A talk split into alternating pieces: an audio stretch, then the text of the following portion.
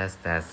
Well, Well, well, welcome. Welcome to Diskusi Nakal. diskusi bersama Nadia Afia. Hai Renisa. Hendri. dan Laili. Yeay. Sebelumnya kita perkenalan dulu nih. Kita tuh dari SMA mana sih? Dari SMA terkeren Terkece, terhits, Tersuper. terbagus, yaitu SMA Negeri 12 Jakarta. Sudah ada gue Afia Aulia absen 2 Gue Hendri Satria absen 17. Gue Hai Renisa absen 18. Gue Laili Ulfa absen 21. Dan gue Nadia Rizky absen 24 Kita berlima dari kelas 12 IPS 1 Yeah. Jadi kita mau ngapain sih hari ini? Jadi kita mau bikin podcast dengan tema Apa ya? apa sih? Apa ya? Ada yang mau tebak gak?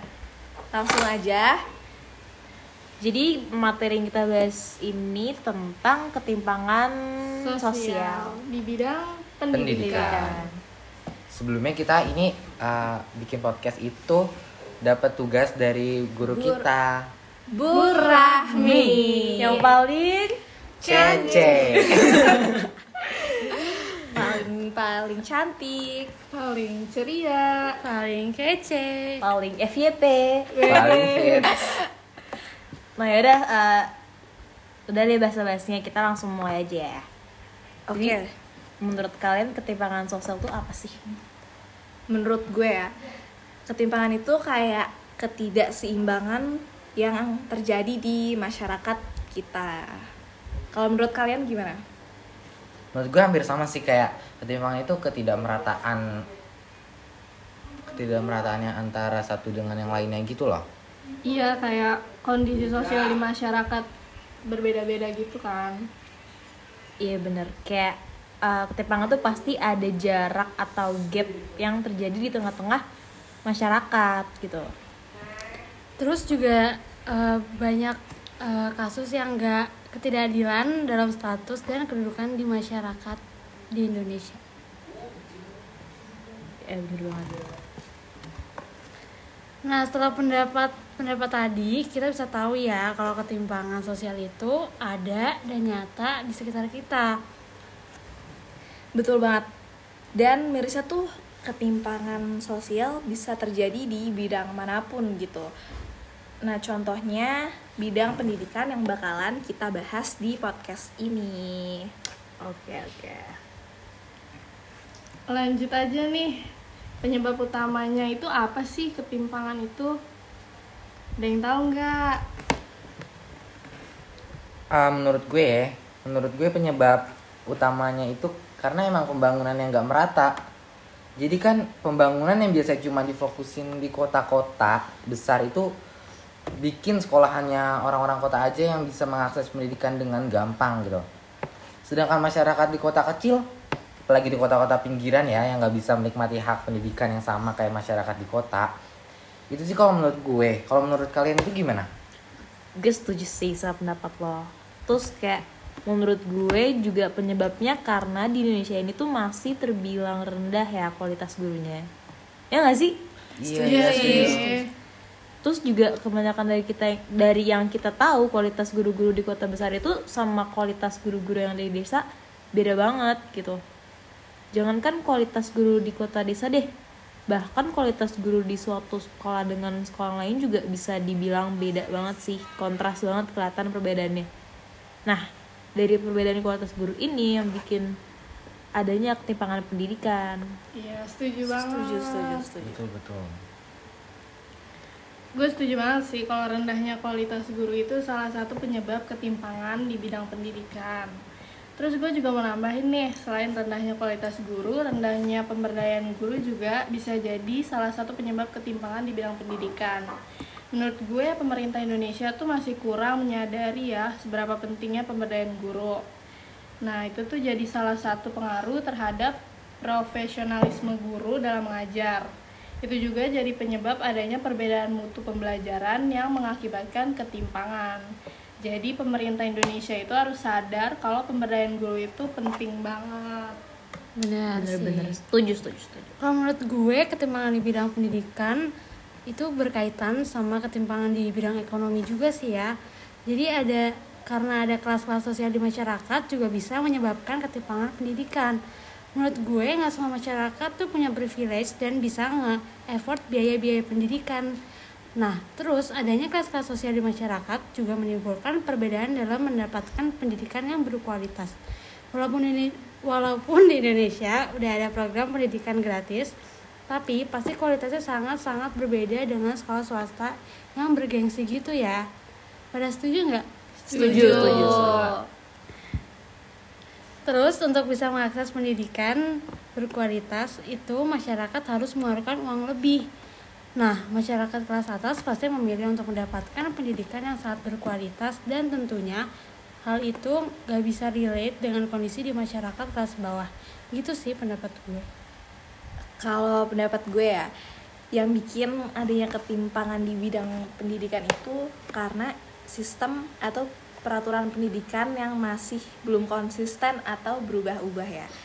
Bahkan bisa dibilang, kalian nyadar gak sih kalau eh, setiap pergantian pemerintahan kebijakan pendidikan Indonesia itu juga ganti, Ganti. Iya, eh, ya kan? Juga. Baru-baru ini juga pak ganti-ganti terus kan? Ya, Ganti kurikulum gitu nggak sih?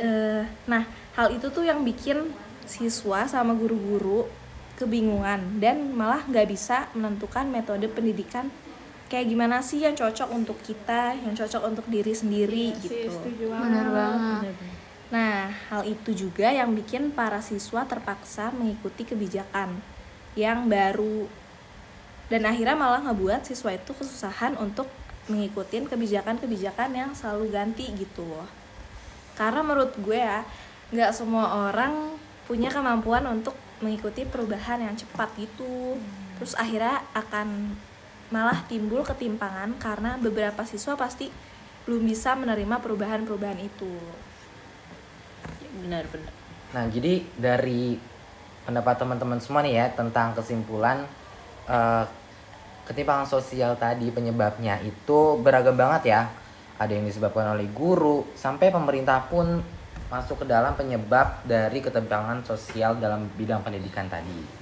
Nah, udah bahas tentang penyebabnya nih, kalian ada nggak sih cerita tentang ketimpangan pendidikan yang pernah terjadi di sekitar kalian gitu? Atau bahkan pernah kalian alamin gitu, boleh diceritain aja ya. gue ada gue ada cerita apa-apa apa ini Apa tuh, pasti Kak? ini pernah terjadi di gue sendiri ya atau bahkan pernah terjadi di kalian semua gitu Hmm, Eh, kalian pernah gak sih ngalamin kayak eh, perbedaan perilaku guru gitu kayak dari satu murid ke murid lain tuh beda. Pernah sih. Itu Pasti sering sih pasti sih. ngalamin.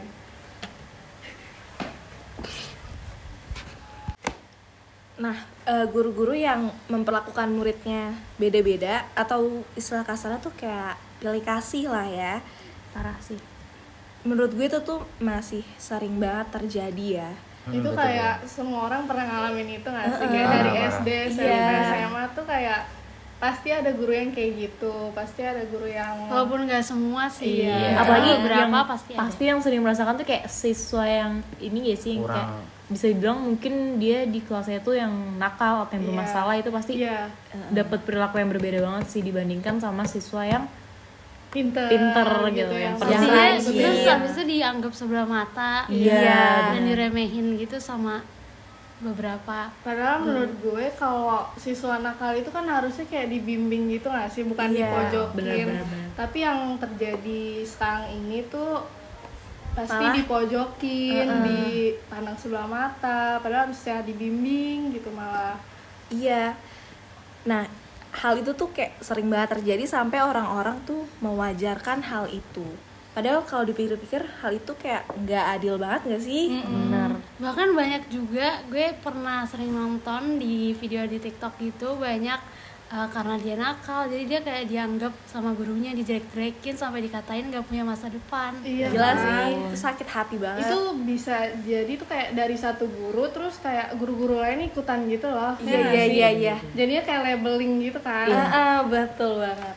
kadang uh, ada nih orang yang nggak pinter nggak nakal juga tapi dia dapat perhatian dari gurunya itu dengan cara nyogok gurunya Wah. kalian pernah ngeliat gak sih hal kayak gitu Gua pernah sih.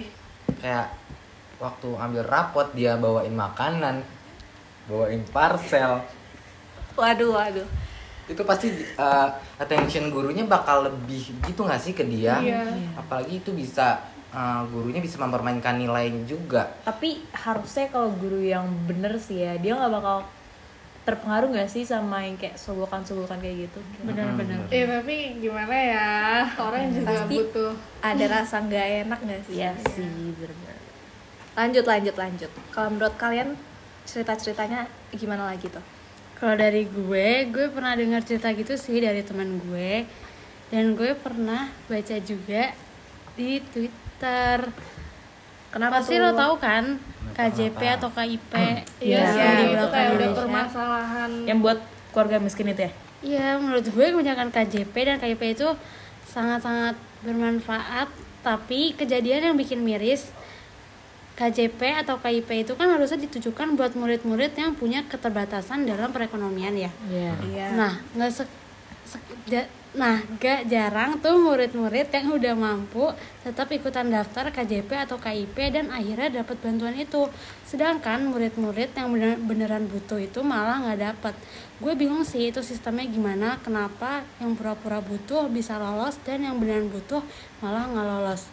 Teman gue cerita teman gue pernah cerita kalau eh, bahkan ada salah satu siswa di sekolahnya Sekolah temennya apa gitu tuh? sih pokoknya ada salah satu eh, siswa di Sensor ya sekolah sensor ya kak, nggak boleh disebut. di Jakarta Timur yang cukup terkenal juga dia Wow. sampai wow beli di durian sawit ya iya dia sampai beli KJP eh, kayak nyogok gitu Maksudnya demi gimana tuh dibeli? Mm-mm, Kayak KJP-nya dibeli. bayar orang gitu. iya kayaknya sih bayar Pakai orang calo gitu gitu ya kali ya. padahal dia orang karena dia orang kaya kan dia Iya, bisa beli dia orang KJP kaya Mm-mm. Berarti ada oknum ya. Lah, kan kaya ngapain dapat KJP gitu?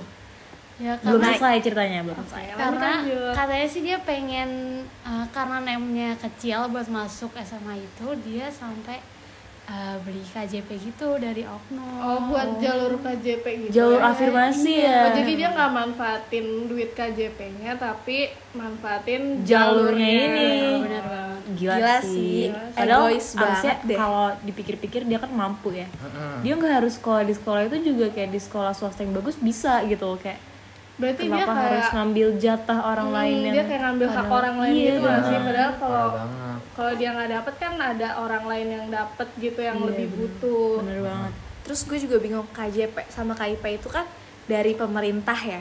Nah, kenapa sekelas pemerintah itu masih bisa kecolongan gitu loh sama oknum-oknum kayak gitu? bisa ini ya sih kayak yang itu apa sih yang dibayar gitu disogok? Iya gimana juga ya? Pasti kan calo-calo itu kan bisa dapat duit dari orang-orang yang pengen dapat KJP tapi dengan cara yang mudah dengan cara cepat. Gitu Oke sih sekarang duit segalanya ya. Nah, apalagi lagi pandemi gini duit lagi dibutuhin Iya. banget susah, susah banget. nyari duit say. Benar banget. Lanjut lanjut. Kalau kalian ada cerita lain nggak? kalau gue tentang KJP itu eh, kalau KJP kan setahu gue ya setahu gue itu kan bisa dicairin ya. Terus kalau KJP kan tiap berapa bulan sekali pasti eh, turun kan dari pemerintah. Iya. nah kalau dari cerita orang nih ya KJP itu dicairin terus duitnya itu nggak dimanfaatkan dengan yang seharusnya gitu loh. Maksudnya gimana nih? Kayak dicairin nih tapi dipakai uh, buat kebutuhan yang lainnya gitu loh. Foya-foya ya. Mm-mm. maksudnya kayak harusnya buat beli buku tapi dia malah jajan kayak gitu harusnya dipakai buat dipakai untuk yang kebutuhan primer yang benar-benar mendesak dia malah Hmm, kayak betul, untuk betul. kebutuhan tersiernya gitu ya iya nggak sih? Iya iya betul. Gengsi. gengsi iya. menuhin gengsi ya sih. Padahal dari KJP waduh. Aduh lanjut aja. Oh terus gue juga pernah dengar cerita cerita tuh kayak kan yang tadi kalau tempat cairin KJP itu kan ada tempat khususnya ya. Mm-mm. terus ada jadwal-jadwalnya. Katanya tuh orang-orang yang datang ke tempat itu tuh orang-orang yang bajunya tuh kelihatan dari kelas menengah atas gitu. Fancy ya? Iya kayak pakai kalung-kalung lah gelang emas jadi kayak aduh. Miris sih iya, miris banget. Mm. Eh, kita bukan nyalahin kayak orang yang dapat KJP itu nggak bisa senang-senang ya tapi maksudnya lebih bijak gitu nggak sih? Iya, karena lo udah dapat Dari bantuan pemerintah eh, gitu. lo udah dapat bantuan tapi nggak dimanfaatin dengan baik tuh menurut gue sayang aja gitu. Iya, atau kan- bukan itu tapi kayak oh harusnya yang orang-orang kaya ini harusnya lebih tahu diri lagi dong iya iya benar-benar. Egois banget deh. Masih banyak tuh yang di luar sana masih banyak yang membutuhkan yang lebih membutuhkan dari si orang kaya itu. Tapi malah nggak dapet. Mm-mm. apalagi di Jakarta yang banyak orang tua sekarang tuh pengangguran akibat Iya. pandemi terus gue juga sempet baca nih di artikel kayak orang-orang yang kurang mampu ini nggak dapetnya tuh karena keterbatasan informasi juga. Mereka kan kayak pasti sulit ya buat megang gadget atau apa jadi pasti uh, masih informasi mengenai KJP masih ini nggak ngerti nggak sih Iya, gimana tuh iya, cara benar. ngurus KJP iya belum gimana? terjangkau ke mereka Iya gitu. bahkan ada yang nggak sekolah gara-gara nggak punya biaya kan? Iya, Mm-mm, bener harusnya itu lebih dibimbing nggak sih? Kayak lebih dikasih tahu lebih di apa ya ada sosialisasi. sosialisasinya gitu. Terus juga kan untuk dapetin KJP atau KIP itu kan nggak semudah itu ya. Kalau misalkan dia menggunakan jalur yang seharusnya digunakan ya. Ya kayak ada surveinya gitu Mm-mm, kan. setahu gue kan juga harus ada survei-survei ke rumah gitu kayak membuktikan apakah benar. Kalau ini rumahnya gitu atau bukan Iya, kalau dia benar-benar membutuhkan atau enggak nih gitu. Tapi eh, banyak juga tuh eh, yang menyalahgunakan itu kayak eh maksudnya kayak dia nipu gitu loh. Jadi hah nipu gimana ya itu jadi kayak hmm, kan harus disurvei kan ke rumah Ah, gitu iya. tetapi si orang tersebut ini eh, tidak tidak menggunakan rumah yang dia tempati sekarang gitu loh jadi kayak memalsukan tempat tinggal berarti ya hmm, iya. enggak enggak memalsukan sih. Itu rumah dia juga Iya, tapi atas kayak nama dia, enggak- atas nama orang tua dia, tapi eh, dia nggak di nggak tempati nggak ditempatin di situ loh, nggak tinggal iya. di situ. oh jadi dia malah punya rumah dua gitu Ah, ah, punya itu, rumah dua. Itu bukan yang enggak satu punya ya, bagus tapi yang satu kelebihan. Yang satu rumahnya bagus fancy gitu, yang satunya kayak kurang lah standar kontrakan gitu. Tapi dia pas di survei itu menggunakan rumah kontrakannya dia sebagai untuk surveian KJP itu loh. Itu udah parah banget sih kayak sih. niat banget nggak sih buat ih kenapa sih emang kurang ya punya Oh, rumah dua dua masih pengen KJP Ah, gitu kayak mending yang satu dikontrakin padahal deh kayak enggak padahal daripada- kayak berapa sih emang kalau misalnya Iya. untuk orang yang segitu KJP sebulan berpengaruh banget apa untuk iya hidup iya lo itu bingung banget sih. Terus terus terus ada lagi nggak peristiwa lain? Kalau selain dari KJP nih? Ah, Terus gue punya cerita nih.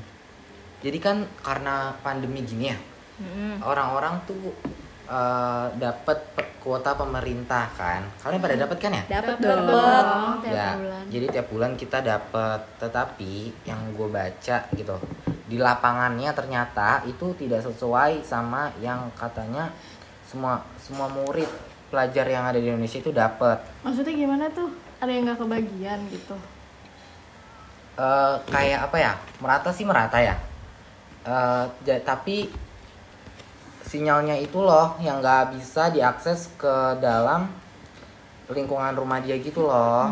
Oh jadi masuknya ke kurang merata pembangunan juga nggak sih? Iya bisa bisa tapi ada juga yang nggak dapet gitu loh. Ada kok teman gue yang nggak dapet.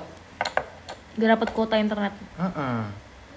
tapi biasanya kalau nggak dapat kuota internet tuh karena ada kesalahan individu nggak sih? Iya kayak iya benar. waktu diminta daftar dia nggak ngedaftarin nomornya. Dia bisa terus terus? Terus kalau kayak gitu juga gimana ya?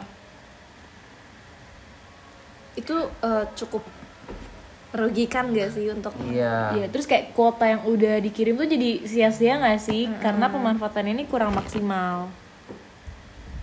lanjut lanjut. Oh terus gue ada cerita ini tuh kayak bener-bener dari sekitar gue. Tapi kayak ketimpangan antar iya bener tetangga gue gue ngeliat sendiri kayak ketimpangan antar sekolah Gimana Jadi, tuh? kalau yang kita rasain biasa di sekolah kita kan bisa dibilang sekolah yang cukup bagus ya Di- maksudnya ya iyalah kita kayak PJJ bisa beradaptasi lancar-lancar gitu. aja kan kayak Iya. maksudnya walaupun ada di masa kan- pandemi gitu Iya, kita mm, bisa lumayan bisa beradaptasi Hampir sih bisa survive Iya Iya. mungkin kayak satu dua lah individu yang emang nakal gitu. Tapi tuh kalau di sekolah ini tuh kayak tetangga gue tuh sekolah di SMK swasta yang bisa dibilang swastanya tuh bukan swasta yang Bagus bagus, gitu. gitu, malah Yang swasta kurang. yang bisa iya mungkin dibilang swasta buangan. eh Eh, maaf banget ya, maaf banget. Tapi bisa dibilang kayak gitu. iya pasti itu kayak di pinggiran gitu Iya. Terus mungkin orang-orang yang di situ juga orang-orangnya kurang mampu kurang mampu gitu ya. yang Terus ya nah kan kalau kita tuh kayak emang PJJ ya udah PJJ internet tiap hari gitu kan kalau ini tuh karena mungkin eh, ada ketimpangan ya dalam nggak punya HP Iya, nggak punya gitu. HP. nggak ada internet nggak ada internet dana. terus kayak mereka tuh sampai harus kayak eh, per minggu ini datang ke sekolahnya untuk ngambil tugas mereka jadi kayak tugasnya tuh dikasih buat satu minggu ke depan gitu terus dikerjain di rumahnya baru nanti hari minggu berikutnya dia kasih kumpulin tugasnya ke sekolah. Jadi agak kayak repot ya. iya makanya jadi, jadi dia benar-benar kayak nggak dapat penjelasan dari iya sama sekali. Enggak. terus juga nggak ada sistem online yang sama sekali gitu. Itu jatuhnya malah jadi kayak nggak ef- efisien gak sih? Karena harusnya kan kita PJJ ya dari rumah Iya, tapi itu malah tetap datang ke sekolah. Iya, udah gitu betul. mereka nggak dapat penjelasan juga kan dari gurunya cuman tapi ya mau gimana nggak sih? Kayak emang nggak bisa gitu. Kayaknya emang kurang ada yang kurang mendukung gitu. Mungkin dari gurunya yang kurang Inovatif. bisa eh, yang kurang bisa pakai internet Gaptek, gitu. gaptek. ya agak gaptek. Itu kan juga salah satu faktor juga yang nggak ya. bisa dihindari Iya. gitu loh. Jadi di sini kayak kita bisa ngeliat gak sih karena dampak masuknya jadi ke dampak pandemi ya. Kayak dampak pandemi itu kayak bahkan teman kita sendiri juga ada yang kekurangan fasilitas buat PJJ sampai dia tukeran sama adiknya setiap iya pelajaran gitu. jadi kadang dia suka nggak masuk uh, pelajaran online karena dia gantian, gantian HP device Oh, gitu. terus kadang sama sedih adiknya. sih ngeliat kayak gitu kayak dia lebih butuh gitu kan. Harusnya ada yang bisa bantu tuh pakai KJP kayak yang gue tahu sekarang bener gak sih? Di sekolah kita aja ada unit gawat darurat. Iya RGD ruang oh ya gawat ruang darurat. ruang gawat darurat. Tadi tau nggak? Apa Tahu, tuh? Apa tuh? Itu? itu Nah. jadi jadi itu kayak ruangan. Gunanya tuh buat disediain buat anak-anak yang yang tadi itu yang bermasalah itu yang kayak mungkin dia kalau di PJJ nggak datang nggak datang nggak males-malesan nggak absen.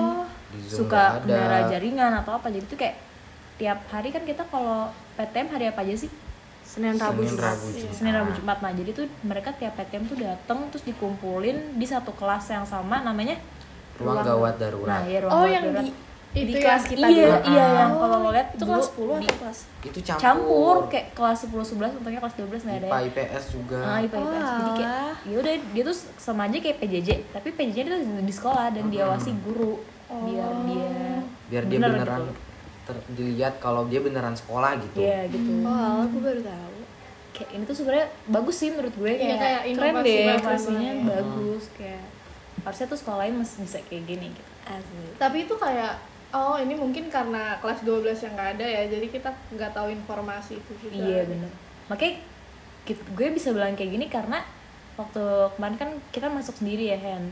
Jadi kayak emang kita ngeliat sendiri gitu loh ada Hmm, iya, oh iya. terus juga mungkin baru-baru ini karena emang covid lagi turun gak sih? Makanya berani Ya, buat benar di banget. satu ruang kelas yang sama gitu. Sebelumnya mungkin emang belum bisa ya. Iya benar-benar tapi kan tetap ada jaga jarak kan. Iya. Ada satu protokol bangku. juga ketat kok di sekolah Iya. kita. Seketat. Ah, apa tuh eh lanjut lanjut lanjut. Seketat Shana Hendrik. Canda teman-teman. Lanjut nih cerita dari KK belum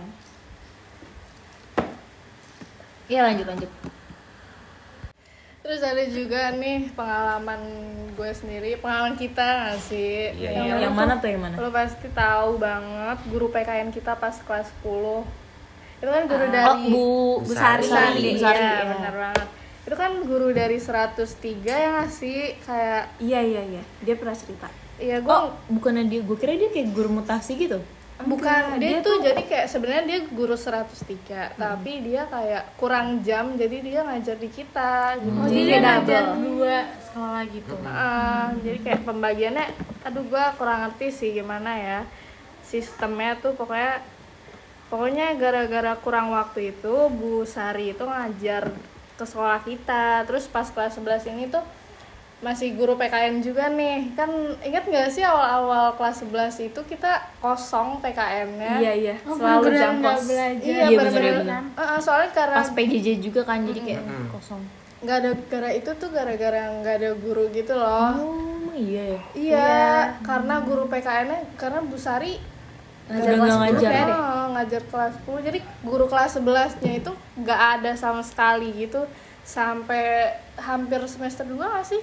Apa pas semester Kayak 2? belum- Dia enggak deh. pertengahan. Iya iya. pertengahan Iya semester. kayak hmm, itu Baru- baru ada guru baru tuh, Pak Pak Haikal. eh, Pak Haikal. oh iya benar-benar Iya, itu tuh kayak ketimpangan guru gitu ya Kekurangan guru. kekurangan Iya. guru SDM-nya kurang ya. Iya, iya. SDM-nya. sampai harus kayak gitu Nah, udah nih kita udah cerita-cerita tentang kasus-kasus yang pernah kita alamin sendiri ya. Yang kita lihat sendiri Eh, gitu. Sekarang kita mau ngomongin ini gak sih cari kayak apa ya kasus-kasus yang lo Artikel-artikel. pernah lihat di artikel gitu yang mungkin gede ada nggak ada nggak yang pernah kalian temuin ada nih ada Itu gue nemu kasus tentang korupsi kamar mandi. ah iya gue pernah denger juga ada artikelnya nggak sih? Ada ada. Itu pernah kasusnya. Ada nih dari banget Kompas. kan. iya bener Iya. Jadi judul artikelnya itu adalah KPK selidiki dugaan korupsi proyek toilet sekolah senilai 98 miliar di Bekasi. waduh Wow, 98 miliar. Banyak banget ya. Mm-mm, itu 98 bukan uang yang miliar. kecil ya. buat itu uang apa semua tuh? tuh. itu harusnya buat berapa kamar mandi tuh uang segitu itu sebekasi gitu di korupsinya apa gimana? Jadi yang gue baca ya, itu duitnya itu dibuat untuk 448 kamar mandi. Banyak 488 ya. kamar mandi.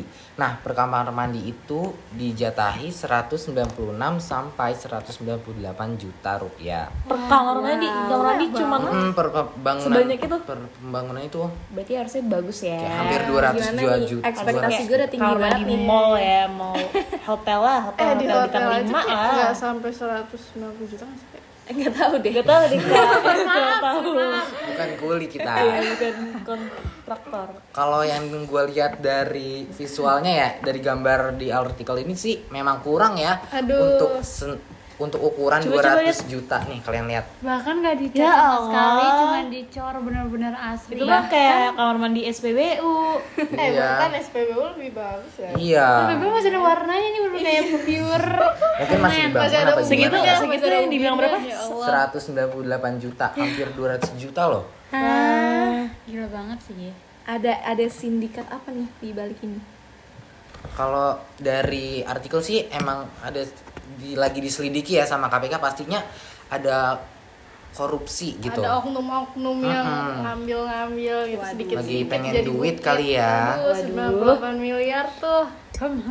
Gila sih Dan ini tuh artikelnya itu muncul pada saat 26 Oktober 2021.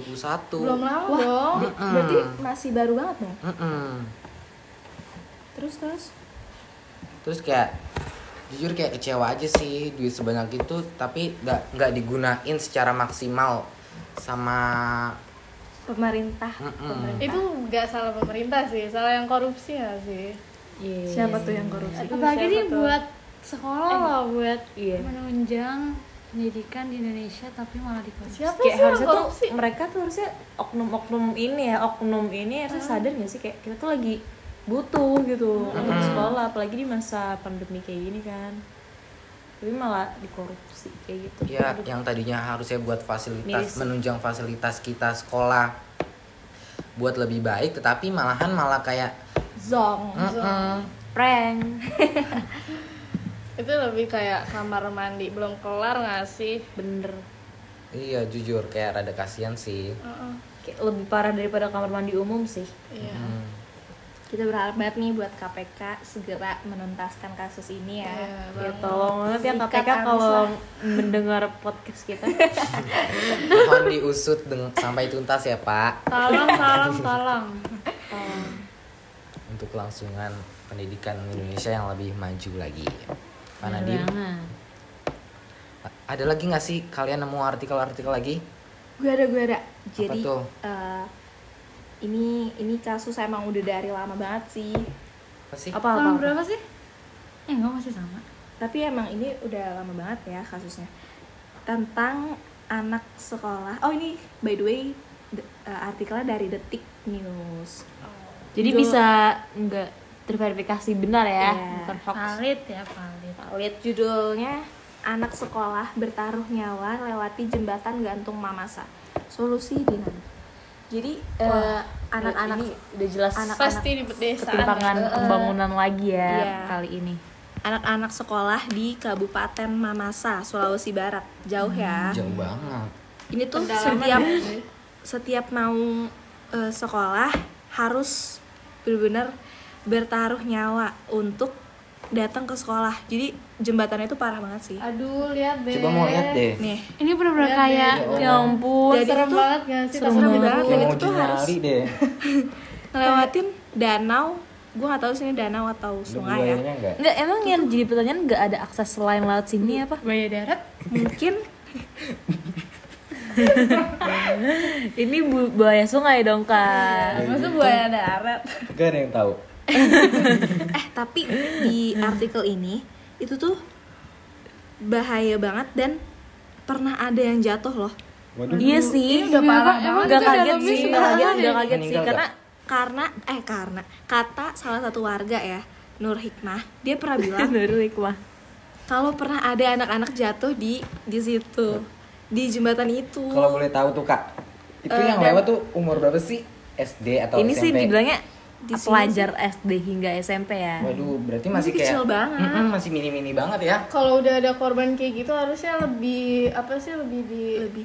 lihat lagi Tapi sebenarnya kalau misalnya- harus ada pembangunan Iya benar ya benar. biar nggak ada korban lagi apalagi sampai masuk berita gini ya masa pemerintah belum bisa melek sih belum bisa nga- nanganin gitu Nih sebenarnya menurut gue kalau nggak harus nunggu ada korban juga kalau kita lihat sendiri dari gambar jembatannya itu udah udah nggak layak banget. iya udah sih nggak buat pelajar doang Iya, nggak sih harus- buat pengguna iya, jalan di situ makanya. Hmm. juga udah serem banget nih gue Itu bahkan- jujur nggak berani banget Jadi tuh ngeliat. sampai lewat samping, Bolong-bolong. iya bolong-bolong banyak gitu. Kayunya juga udah kelihatan rapuh. apalagi kalau intensitas airnya lagi naik ya Iya. itu bakal ambruk deh semua. Mm-mm. Ngeri deh, ngeri banget.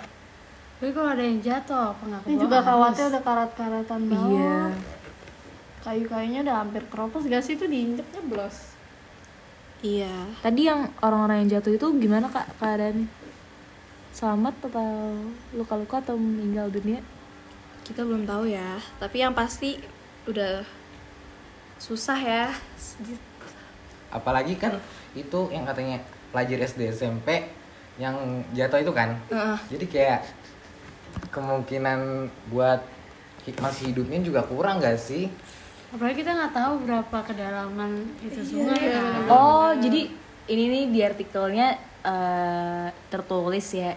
Mereka tuh berani karena ya emang Udah biasa. Iya, bilang udah biasa lewat sini setiap hari mau ke sekolah. kalau kalian kuat Aduh. Kalau kita kayak mendingan gak sekolah gak sih? maaf, maaf Makanya- bu. mendingan mengarungi sungai Makanya kita kayak Kasihan berharap banget sih. nih untuk mungkin uh, mereka ngelewatin jembatan itu karena memang aksesnya cuma itu ada mungkin harus muterin desa gitu malah jauh. Uh-uh, jadi mereka milih untuk melewati jembatan itu karena aksesnya lebih dekat Mm-mm. Iya benar. harusnya sih ada bantuan dari kabupaten lah minimal ya Pemda setempat. Mm, pemerintah di tingkat desa itulah pokoknya Ya, kalau bisa pemerintah. Oh, ternyata dari Pemdanya juga ini udah mengusulkan anggaran untuk perbaikan jembatan ini, namun terkendala nih karena pencairan dananya yang belum terrealis terrealisasikan. Semoga cepet terrealisasi deh biar nggak ada korban-korban selanjutnya Semoga, amin semoga dananya nggak dikorupsi lagi ya. Eh, Tolong banget ya. Jadi walaupun di desa tetap bisa Sekolah pendidikannya dengan- maju, Iya. sekolahnya benar. lanjut nih. Nah, tadi kan kita kayak udah ngomongin timbangan sosial banget nih. dari apa aja sih tadi kita udah ngomongin penyebab penyebab, dampak, Kasus, ya, cerita, Iya. ya. terus kayak sekarang kita ngapain lagi?